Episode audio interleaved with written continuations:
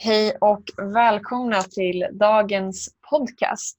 Och idag är vi jätte, jättestolta. Vi har en hedersgäst med oss på plats, nämligen Andrea Biverstål. Varmt välkommen. Tack snälla. Jättekul att vara här. Så kan inte du börja med att berätta lite om dig själv för de som inte vet vem du är? Men självklart.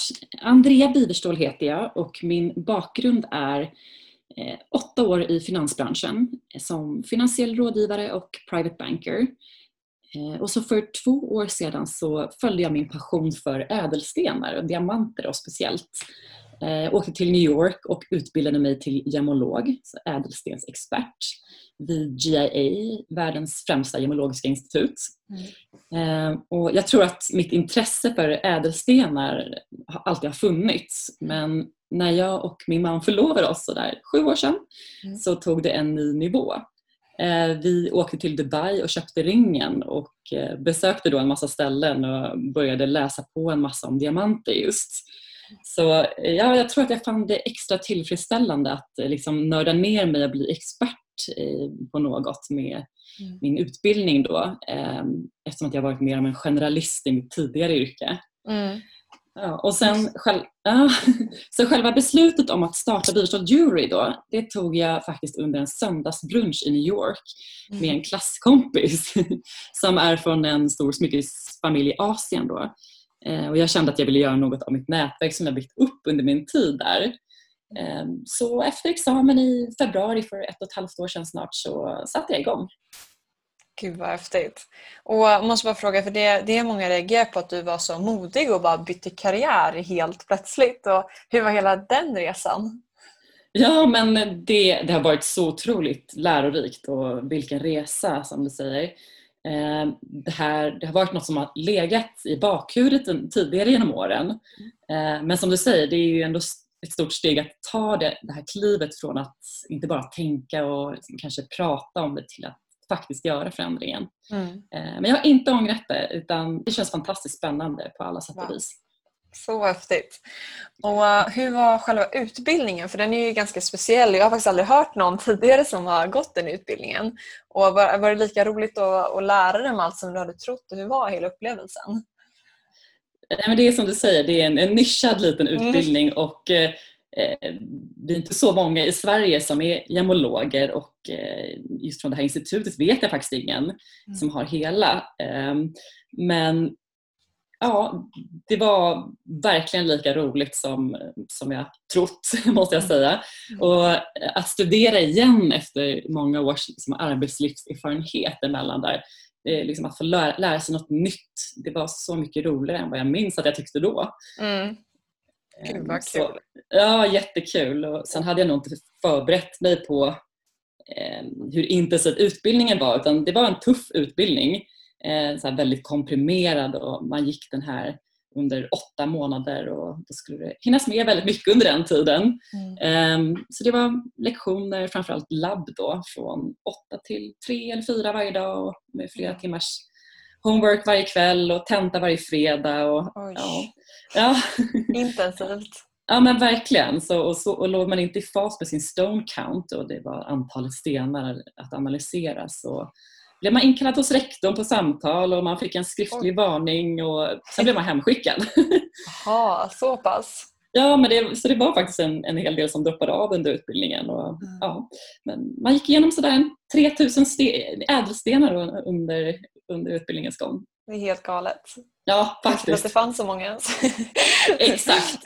Nej, knappt jag heller. Häftigt. Och sen tänkte jag på när du eh, skulle utbilda dig då, eh, att du flyttade till New York och bara hela den biten är ju mångas dröm. Kan inte du berätta lite om hela upplevelsen med New York och eh, hur allting det var? Ja, men det, det har ju även varit min dröm, eh, som så många andras. Eh, och det var verkligen två drömmar som gick i uppfyllelse eh, för mig. Att både få bo i New York och en tid då och att gå utbildningen. Mm. Eh, och jag har en man som supportar mig i mina beslut och verkligen står vid min sida och tror på mig och både inspirerar och pushar mig. Så det är jag väldigt tacksam för. Mm. Eh, så det var helt fantastiskt att få möjlighet att bo där under de här åtta månaderna. Eh, och jag hade sån tur med boende också så det är inte lätt att få tag på eh, boende speciellt som student med begränsad budget. Eh, men jag lyckades få tag på en studio centralt på Manhattan och jag mm. kunde gå till skolan i Diamond District. Mm -hmm. Gud vad härligt. Ja, fantastiskt. Så, eh, även om det är tufft att vara student i New York eh, mm. och liksom det är alltid så dyrt och så, så mm kommer jag ofta på mig själv med att gå runt med ett stort leende på stan och få små lyckorus. Mm. Eh, och liksom, jag fick så mycket energi av staden och jag spenderade mycket tid i Central Park. Eh, Åh, bästa parken. Ja visst är det. Och ah. in, inte för att jag hade så mycket fritid men det blev liksom ett ställe att, att återhämta sig och träna och plugga. Och, ja, men det var verkligen en fantastisk tid. Det låter helt underbart. Men vad mer kan man bli? För du startar ju eget eh, och mm. för andra som kanske är nyfikna på den här utbildningen, vad blev liksom det av dina, dina klasskompisar? Så att säga? Ja, eh, men det, det är nog ganska olika varför man gick utbildningen. Eh, men jag skulle säga att de flesta hade någon slags anknytning till branschen redan. Mm. Eh, så det var ju folk från hela världen verkligen som, som gick utbildningen och mm. så, så otroligt berikande på så många plan. Mm. Eh, många kom från familjeföretag och mm. skulle kanske ta över bolaget nästa generation då, både smyckesföretag och diamond dealer-familjer och så vidare. Mm. Ehm, så den här utbildningen är väldigt så här, prestigefylld i just den här lilla nischen. Mm. Ehm, så ja, men mycket folk skulle ta över företag men du kan också jobba med allt ifrån på auktionsverk, värdera smycken och du kan jobba på laboratorium vilket jag vet att en, en del gick vidare till och liksom sitta och analysera stenar dagligen. Mm. Um, så ja, nischat som du säger men det finns ändå lite olika vägar att gå utifrån utbildningen. Mm. Okej, och vad hände efter du var klar med de här åtta intensiva månaderna? Vad, vad gjorde du sen? Ja, men jag tog examen i februari för ja, men det är nästan ett och ett halvt år sedan. Mm. Eh, och då begav jag mig tillbaka till Europa. Mm. Eh, och jag spenderade faktiskt större delen av året där, därpå i Spanien. Eh, och satte egentligen igång direkt eh, med att börja bygga grunden till företaget. Och, och det var verkligen att ta på sig alla hattar, alltifrån att bygga hemsida, som jag aldrig gjort tidigare, till att designa smycken för lanseringskorrektionen och ja, men alla bitar som ska på plats innan man kan lansera företaget. Mm, just det. Och um, Vad kände du saknades i, i smyckesbranschen som gjorde att du kände att du ville starta någonting själv? Eh, men jag har utgått mycket från min egna smak. Mm. Eh, och Det jag upplevt genom åren tidigare mm. det är framförallt i Sverige så att det har varit svårt att hitta just klassiska utan att bli mossiga då, vardagssmycken av hög kvalitet men till ett mm. tillgängligt pris. Så, ja, så affordable fine everyday jewelry, det är ju min nisch. Och där tyckte jag att, att det fanns ett glapp. Mm. Eh, ja, så egentligen klassiska eleganta smycken i en ny tappning och mm. att, att de är just tidlösa, att det ska gå att användas dag som kväll, år efter år utan att de blir omoderna och tappar färg, form, lyster. Mm. Och det känner jag också att man kan verkligen ha dem dygnet runt smyckena. De är så himla eleganta och passar både just under, under jobbsammanhang och även efter. Och det jag har känt tidigare att så här, man vill inte ha för stora smycken för det känns lite men, oprofessionellt, men inte min stil i alla fall. Jag vill gärna ha liksom, diskreta liksom, jobbkläder eh, men ändå att det sticker ut och känns feminint och sådär. Och det tycker jag att du har lyckats perfekt med och även att man vill ha dem då på kvällen. Så det är verkligen häftigt att du har lyckats kombinera de två. Ja men gud vad, vad kul att höra för det har väl eh, liksom varit lite min utgångspunkt att jag har haft mycket kostym och jobbkläder i mitt tidigare yrke mm. och liksom upp, uppskattat att ha lite som du säger diskretare smycken men som ändå gör ett subtilt statement. Exakt. Och känns elegant även på ja, jobbet. Precis. Ja. och, och, du lanserade ju bolaget ganska nyligen. När var det du lanserade? Ehm, jag lanserade i slutet på förra året så det, det här är verkligen en startup. Mm. Eh. Hur har det varit eh, den här resan sedan lanseringen? Det, det, det, är en stor fråga och jag är mitt i resan nu. Ja. Eh, men jag kan säga det har inte varit en tråkig dag hittills ja. sedan jag drog igång. Det är klart att det är tufft att driva en startup. Mm. Det är pressat läge och inte minst ekonomiskt att få ihop det. Men samtidigt så otroligt lärorikt. Jag har lärt mig så mycket. Jag tror inte jag har lärt mig så mycket totalt under mitt liv innan. Wow. Ja, och sen framför allt, jag känner ny energi och motivation och det mesta känns kul faktiskt. Men just att se möjligheter, tänka kreativt tror jag att jag har utvecklat mest hittills. Att entreprenörskap i grunden handlar ju mycket om just problemlösning. Mm. Eh, sen har det ju varit lite speciella tider med pandemi under uppstart ja, också. exakt, det är verkligen en speciell tid att lansera under, under pandemin. Liksom. Ja, men precis. Galet. Men vad, om du eh, kan ge någon liksom lärdom som du skulle kunna kanske tipsa våra följare om. Har du någon så konkret grej som du känner att det här har verkligen lärt mig och kanske skulle göra annorlunda nästa gång du lanserar ett nytt bolag om du skulle göra det? Viktiga lärdomar är väl egentligen att det spelar nog inte så, mycket, så stor roll vilken erfarenhet du har sedan innan och så utan mm. Det är verkligen att man learning by doing. Mm. Eh, att starta bolag och det ser säkert väldigt olika ut också beroende på vilken, vilken, vilken tid man startar, i vilken bransch och så vidare. Men mm.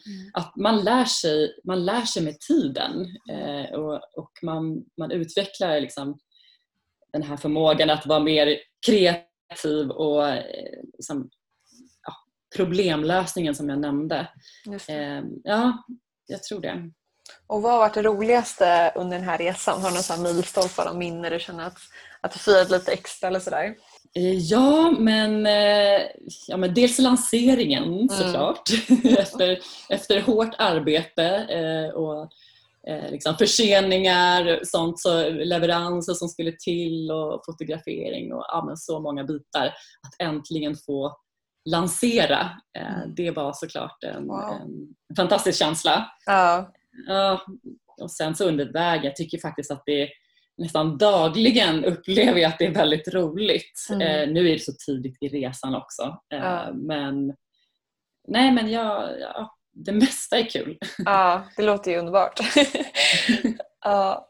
Och, um, vad ser du de största fördelarna med att driva just eget? Vet att många i vårt community eh, drömmer om det.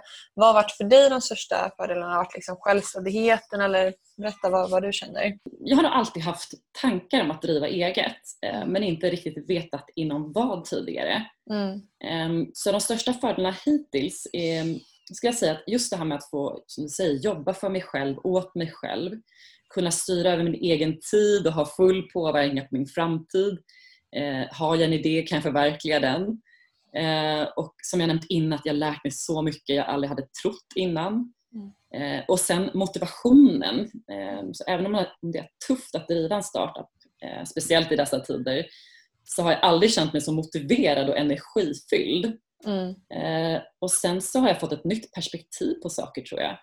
Eh, bara under den här resan hittills, eh, att jag uppskattar saker mer, eh, tillvaron känns mer meningsfull, jag prioriterar bättre tror jag också. Mm. Ehm, och ja, jag och min man som, som också är entreprenör då, mm. har en vision och en målsättning om att skapa ett flexibelt liv där vi kan jobba varifrån vi vill och bo utomlands på deltid. Och, så mm. vi jobbar med det i åtanke hela tiden. Mm. Härligt. Eh, ja, underbart. Och sen har jag faktiskt blivit en morgonmänniska också. Ah, ja. Fire Even Club. Exakt så. Ja, är lite så? sen på bollen kanske men ja, ja, inte, inte, jag är inte riktigt där ännu men jag jobbar åt det hållet. Mm. Eh, och, ja, men, jag har alltid sett mig själv som en kvällsmänniska innan faktiskt mm. men jag har märkt under senaste året att eh, ja, jag har reflekterat över att det har förändrats. Mm. Eh, att jag verkligen uppskattar att gå upp tidigt och att jag mm. tänker klarast efter en kopp kaffe eller två. Ja. Eh, just, just de första timmarna och att det sätter liksom grunden för resten av dagen. Så ja. som du säger, 5 AM Club är, är tror jag på. Kul! Och man känner sig lite så här, att man, är, att man ligger lite i förkant eller vad säger eh, försprång när man lyckas få saker gjorda tidigt på dagen. Då känner man en bra känsla att man har startat dagen bra. Så det är härligt. Ja men verkligen. Det tror jag mm. är mycket liksom, framgången i det, den metoden. Mm. Att man känner sig steget före som du säger. Innan världen har vaknat så har man hunnit med en massa redan. Exakt. exakt. Um, jag tänkte vi kan prata lite om smyckena för jag älskar ju alla smycken hos dig. Ja, på riktigt. Alltså det, är, det är sällan man gör det. Alltså man har ju så här märka med illa men så är det alltid något konstigt plagg eller sådär. Men alltså alla smycken är så vackra. Så att jag tänkte om du bara kan berätta om du har några favoriter. Kanske svårt att välja men om du kände så här, ja, några älsklingar. ja men gud vad glad jag blir att, att höra. Eh, och det, ja, det är klart att man får någon slags favorit, det skulle jag säga. Eh, mm. I lanseringskollektionen då, den består av två delar. Det är The Essentials som är diamantkollektionen och sen är det mm. Akoya Pearl Collection med pärlorna. Mm. Eh, och det är ju verkligen två teman som jag själv älskar. Eh, och jag har en liten fäbless för just diamanter och pärlor. Mm. eh, så det är väldigt klassiskt båda två så det passar ju till allt. Mm. Men ska jag välja något smycke? Uh, får man välja två? Du får välja två. ja, då, blir, då, då blir det diamantringen Petit ja. Diamond Ring eh, med en liten diamant. Eh, mm. Så Det är verkligen en sån här vardagsklassiker i ny tappning eh, som jag är förtjust i. Att den passar till allt och den är fin att bära i all sin enkelhet eller tillsammans med andra ringar. Då. Mm. Eh, och sen så pärlarmbandet Petit Akoya Bracelets eh, med japanska odlade saltvattenpärlor. Det är också en så här vardagsfavorit som jag själv bär i princip varje dag. Mm, den är jättefin. Den bär jag också på mig varje dag nu. Och jag får massa komplimanger för den också eh, måste jag säga. Så att jag går runt med den med stolthet. Ja. Den är så fin verkligen. Väldigt eh, elegant. Verkligen. Härligt. Um, och har du någon sån här, liksom, tips när man ska ja, eh, kombinera smycken eller så här, någonting man ska tänka på dagtid, kvällstid? Har du något så du vill dela med dig, något som du tänkt på? Ja, men egentligen eh, tycker jag inte att det finns några, så här, eh, några regler eller hur man ska mm. tänka utan det är du själv som sätter reglerna. Mm. Nej, men hela min tanke är ju att eh, det ska vara lite som, som motsvarigheten till nyckelplaggen i, i klädgarderoben. Då. Att det ska passa till allt, du ska känna dig bekväm i smyckena och du ska kunna gå från jobb till fest och alltid känna dig fin och mm. trivas i alla sammanhang. Så jag tycker nog att eh, man, som bas då att ha ett antal väl utvalda nyckelplagg eller nyckelsmycken då, av hög kvalitet och som passar till allt. Mm. Eh, ja, som går att bära liksom var för sig eh, men också matcha eller stacka då efter humör och outfit. Mm. Och för att göra det lite mer personligt också. Mm. Eh, men jag tycker nog det viktiga är att, att det representerar dig, att du känner dig fin och att smyckena kompletterar och lyfter din outfit. Så, sen tycker jag att man utöver de här nyckelsmyckena då kan investera i några väl utvalda special pieces som gör dig glad. Mm. Eh, det kan vara en cocktailring med färg eller ett par festliga örhängen. Eh, och här har vi nu precis släppt en Gem Collection, en kollektion med färgade ädelstenar. Eh, och där finns det till exempel en ring med en en och en halv karats baguetteslipad Akvamarin eller morganit, eh, det är lite ovanligare stenar i Sverige men de tillhör faktiskt samma mineralfamilj som den gröna smaragden, beryl. Eh, men till skillnad från smaragden så är de ofta helt rena för ögat även liksom i större storlekar. Då. Mm. och den här akvamarinen den är härligt ljusblå och morganiten är, som faktiskt är uppkallad efter finansmannen JP Morgan. Mm-hmm. Ja. Bra. Kuriosa. ja exakt. Ja, men den, den är så här ljust persikorosa och de är så härligt somriga så det kan mm. vara en sån special piece. Mm. Sen tänkte jag på lite med materialet, alltså så här, diamanterna och silver och guld och sådär. Hur har hela den eh, processen varit att ta fram och hitta, hitta det? Eh, för det har jag ingen koll på alls hur, hur sånt går till. Nej, eh, jag förstår det. Och det, det. Jag samarbetar ju faktiskt med min klasskompis som jag nämnde mm. eh, som är från en smyckesfamilj då och mm. Eh, de är ett stort företag som tillverkar smycken åt amerikanska lyxmärken i övrigt. Mm. Men eftersom vi blivit goda vänner så har hon tagit sig an att tillverka eh, även åt mig. Och de har ju bra kanaler för inköp av just materialet då. Eh, men sen så samarbetar jag även lokalt med en svensk guldsmed och där köper jag också in en del stenar själv via mitt nätverk mm. som jag byggt upp i New York. Då. Perfekt. Och det här, ja men verkligen, det är faktiskt något som jag vill utveckla mycket mer mm. framöver då, och liksom dra nytta av min bakgrund som just ädelstensexpert. Ja, och en sak jag älskar, eh, förutom alla vackra smycken med ditt bolag, det är att du valt att eh, börja med välgörenhet så himla tidigt, eller liksom från start. Det tycker jag är jättehäftigt för det känns som att många företag väntar tills man har tjänat x antal kronor eh, tills man känner att man har kanske råd med det. Men du har verkligen vävt in det från start. Kan inte du berätta lite om vad, vad du gör inom det? Men vad roligt. Och det, är, det har du rätt i att eh, ofta så kanske man väntar tills man liksom blir lönsam innan man eh, ger sig in i det. Mm. Men alltså för mig så, så handlar det om, jag gjorde faktiskt ett arbete om att, skolan då, om att ge tillbaka just till industrin. Mm. Eh, och någonstans där så kändes det redan som att jag hade bestämt mig för det, att det känns viktigt för mig att, att just vara med och bidra till en mer etisk och ansvarstagande utvinning av ädelstenar. Mm. Eh, och liksom ge tillbaka till eh, människor i, i de länder där diamanter utvinns. Då. Så det är just där jag har valt att eh, jag har ju då en charity bracelet nu i första kollektionen så det är väldigt litet från början. Och eh, jag tänker att det är, man kan alltid göra någonting. Mm. Eh, sen längre fram är såklart, då är min tanke att det ska bli någonting mycket större. Mm. Eh, och det är någonting som jag känner mig som passionerad över att, att kunna vara med och påverka.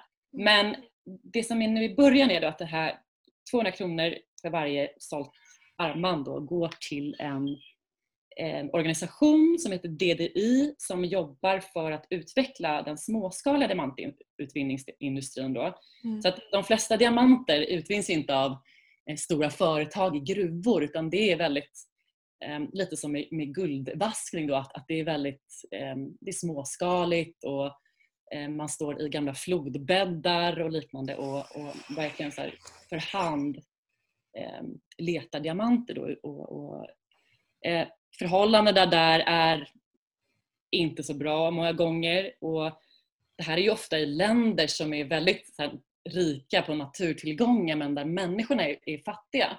Så att mm. jag, för mig känns det liksom bra och fint att jag vill gärna kunna ge tillbaka som, som eh, aktör inom liksom, smyckesbranschen då kunna ge tillbaka. Jättefint. Men jag tycker det känns som lite när man, eh, som mycket tips om när man ska börja spara, att man kan känna att ja, min lön är för låg idag för att spara. Eh, men bara man kommer igång med det, att avsätta typ 10% som du gör i det här fallet med, eh, med välgörenheten av varje armband som säljs så, så får man in det tänket och sen kan man liksom skala det efterhand. Så det är så himla häftigt. Och fint också att ge tillbaka till, till de som tar fram alla råvaror. Jättefint. Det var kul att höra. Och jag håller med dig om att det är just det där med att det är så lätt att skjuta upp saker eller tänka mm. att det här ska jag sen. Eh, och det gäller väl mycket egentligen men eh, det går ju oftast att liksom göra någonting idag redan. Mm. Även om det är smått. Ja, jättekul. Och, um, har du någon eh, entreprenör som du inspireras av?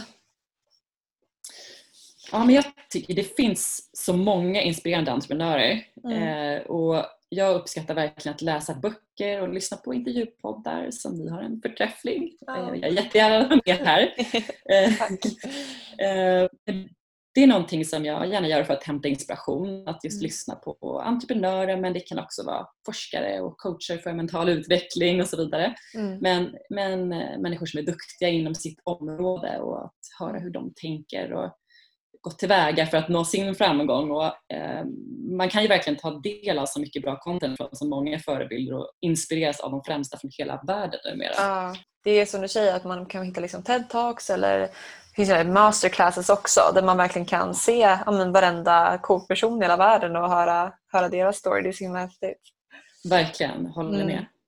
Och äh, även din historia inspirerar vet jag redan väldigt många i vårt community. Att du liksom har ja, bytt bransch och att du har lyckats slå in på en helt, helt nytt område. Så det är verkligen superinspirerande vad du gör. Vad roligt att höra. och, det här är en så stor fråga, men vad är dina visioner om med företaget om x antal år? Vad drömmer du om att, att du ska vara då någonstans med bolaget? Ja, nej men ska man drömma eh, mm. så hade det ju varit fantastiskt att bli det stora internationellt erkända företaget som man på något sätt associerar till när man tänker på everyday fine jewelry. Mm. Eh, och att bygga något som man kanske till och med kan lämna över en dag. Mm. Eh, så tänkte jag på um, hur, hur du som entreprenör nu strukturerar upp dina dagar. För Det blir verkligen annorlunda när man går från att liksom ha fast jobb till att starta eget. Eh, och Speciellt nu under coronatider känns det som att alla jobbar hemifrån. Har du något tips där och kan du berätta lite hur du gör, och vad som funkar för dig? Ja, men jättebra fråga. Eh, svår också. Eh, precis som du säger. Ja, men, eh, som egen så är det lätt att man nästan blir lite besatt och mm. man kan jobba hur mycket som helst. Eh, men jag skulle säga att jag är nog ganska dålig på att liksom, ta breaker. Eh, och det är något som jag är medveten om och som jag jobbar aktivt med eh, för att bli bättre på. Att ta små pauser och liksom tid för återhämtning och, så att det blir en bra struktur. Så. Mm. Men ett par knep som jag använder mig av. Mm. Dels så använder jag när jag känner att jag har svårt att fokusera och strukturera mig så kan jag använda den klassiska pomodoro-metoden. Åh, oh, älskar den. Ja, den, den, är så, så effektiv. Man, man ställer klockan och sitter fokuserat under en tid med en uppgift då i 20 minuter. Och mm. Sen att man tar det här breaket och går och hämtar en kaffe eller gör något annat och sen kör man igen. Då. Um, så ja, men sen ett annat knep som jag tar till när jag känner mig stressad eller i obalans och har svårt att fokusera så brukar jag köra en Wim Hof method, andningsövning oh. på 10 minuter. Mm. Eh, och det är just att jag upptäckt att andningen för mig är det som liksom först blir påverkat. Att mm. jag nästan lite tenderar att hålla andan emellanåt. Mm. Och, vilket såklart ger dålig syresättning och påverkar en massa saker som energi och koncentration. Mm. Eh, så att, ja, men jag brukar även börja morgonen med den här andningsövningen. Eh, och jag upplever då att jag startar dagen mer balanserad och fokuserad vilket gör att jag kan liksom lägga en bättre struktur för dagen. Jättebra tips. Och hur hämtar du energi? För det är ju någonting man verkligen måste fylla på kontinuerligt och speciellt som entreprenör. Har du några tips där? Eh, ja, och det är väl jätteindividuellt eh, liksom från person till person vad man har för energikälla. Så. Men för, för mig så är mitt främsta, mitt happy place, det är skärgården. Mm. Eh, så jag skulle säga att, att landstället i Stockholms skärgård som vi haft i många år, det är verkligen platsen för återhämtning för mig. Mm. Eh, men jag är också delvis uppvuxen i skärgården så jag känner mig oftast harmonisk och balanserad där. Mm. Eh, men sen, ja men verkligen. Och sen skulle jag säga att havet har den effekten liksom i allmänhet på mig. Mm. Så att även om jag inte är i Sverige eller ja, befinner mig någon annanstans så försöker jag ta mig till vattnet. Mm. Eh, och jag har faktiskt en liten sommarkollektion som släpps inom kort också som är inspirerad mm. just av havet och båtliv. Oh. ja. Gud vad härligt. Man blir verkligen lugn av vatten som du säger. Att man är ute på en båt eller någonting. Man känner bara här är livet. ja, ja men verkligen. Det är en uh. frihetskänsla. Uh. Eh, det är underbart. Men sen, sen också att här, lyssna på någon inspirerande podd, mm. eh, lyssna på musik, läsa en bok. Att liksom hitta de där små sakerna i vardagen också är jätteviktigt. Uh. Och sen uttjatat kanske men träning Ja. Eh, det, det, är ju verkligen så viktigt på så många sätt och inte minst för att tanka energi. Då. Mm. Så att, eh, jag brukar växla upp under extra stressiga perioder just för att ja, men tar, man sig den ja, men eller hur? tar man sig den tiden och beger sig till gymmet så ger det så många gånger mer tillbaka. Mm, verkligen. Har du något tips? Eh, för som sagt så är det väldigt många som drömmer om att starta eget. Vad, har du något tips till den som, som gör det? Som har den här drömmen? Ja, men det är lite klyschigt men sant. Men att eh, följa sin passion och göra det man blir glad av och brinner för. Eh, mm. det blir oftast bra i slutändan tror jag. Eh, men också att göra uppoffringar, jobba hårt. Eh, jag tror att det viktigaste är att våga. Att mm. drömma stort och följa sina drömmar också. Att utsätta sig, ta sig ur sin comfort zone. Så man kan utvecklas hela tiden. Och, ja, det har jag nog alltid gjort. Mm. Just utsatt mig så. och aldrig ge upp såklart. Att tro på sig själv. Det låter klyschigt men det tror jag på. Mm. Eh, och lite så här, ring den där personen du verkligen vill få till ett möte med och sök det där jobbet du allra helst vill ha även om du känner dig kanske lite underkvalificerad. Ja. Eh, jag, tror att det är lite, ja, jag tror att det är lite svenskt att också tänka att jag ska jobba några år först och sen när jag skaffat mig mer erfarenhet så ska jag söka det där jobbet eller starta det där företaget. Men eh, jag skulle säga, gör det nu. Mm. Och det var lite Ja. som du sa tidigare också att, att man kan egentligen inte förbereda sig på resan att starta bolag för att man lär sig så extremt mycket och lärdomar som man inte kan få någon annanstans. Så det är bara att köra igång helt enkelt. Exakt så. Du lär dig Mm. under tiden. Ja. Eh, Och, ja, sen är det ju aldrig för sent heller för att till exempel sadla om, för att lära sig något nytt, utvecklas. Ja, verkligen. Så himla bra tips verkligen. Jag blir själv taggad på att starta någonting direkt efter den här podden. Ja, jättekul. Men stort, stort tack att du vill vara med Andrea. Det här kommer eh, inspirera väldigt många och jag kommer lyssna om det här fler gånger när jag vill hämta inspiration och energi. Vad roligt att höra och eh, tack snälla för att jag fick vara med.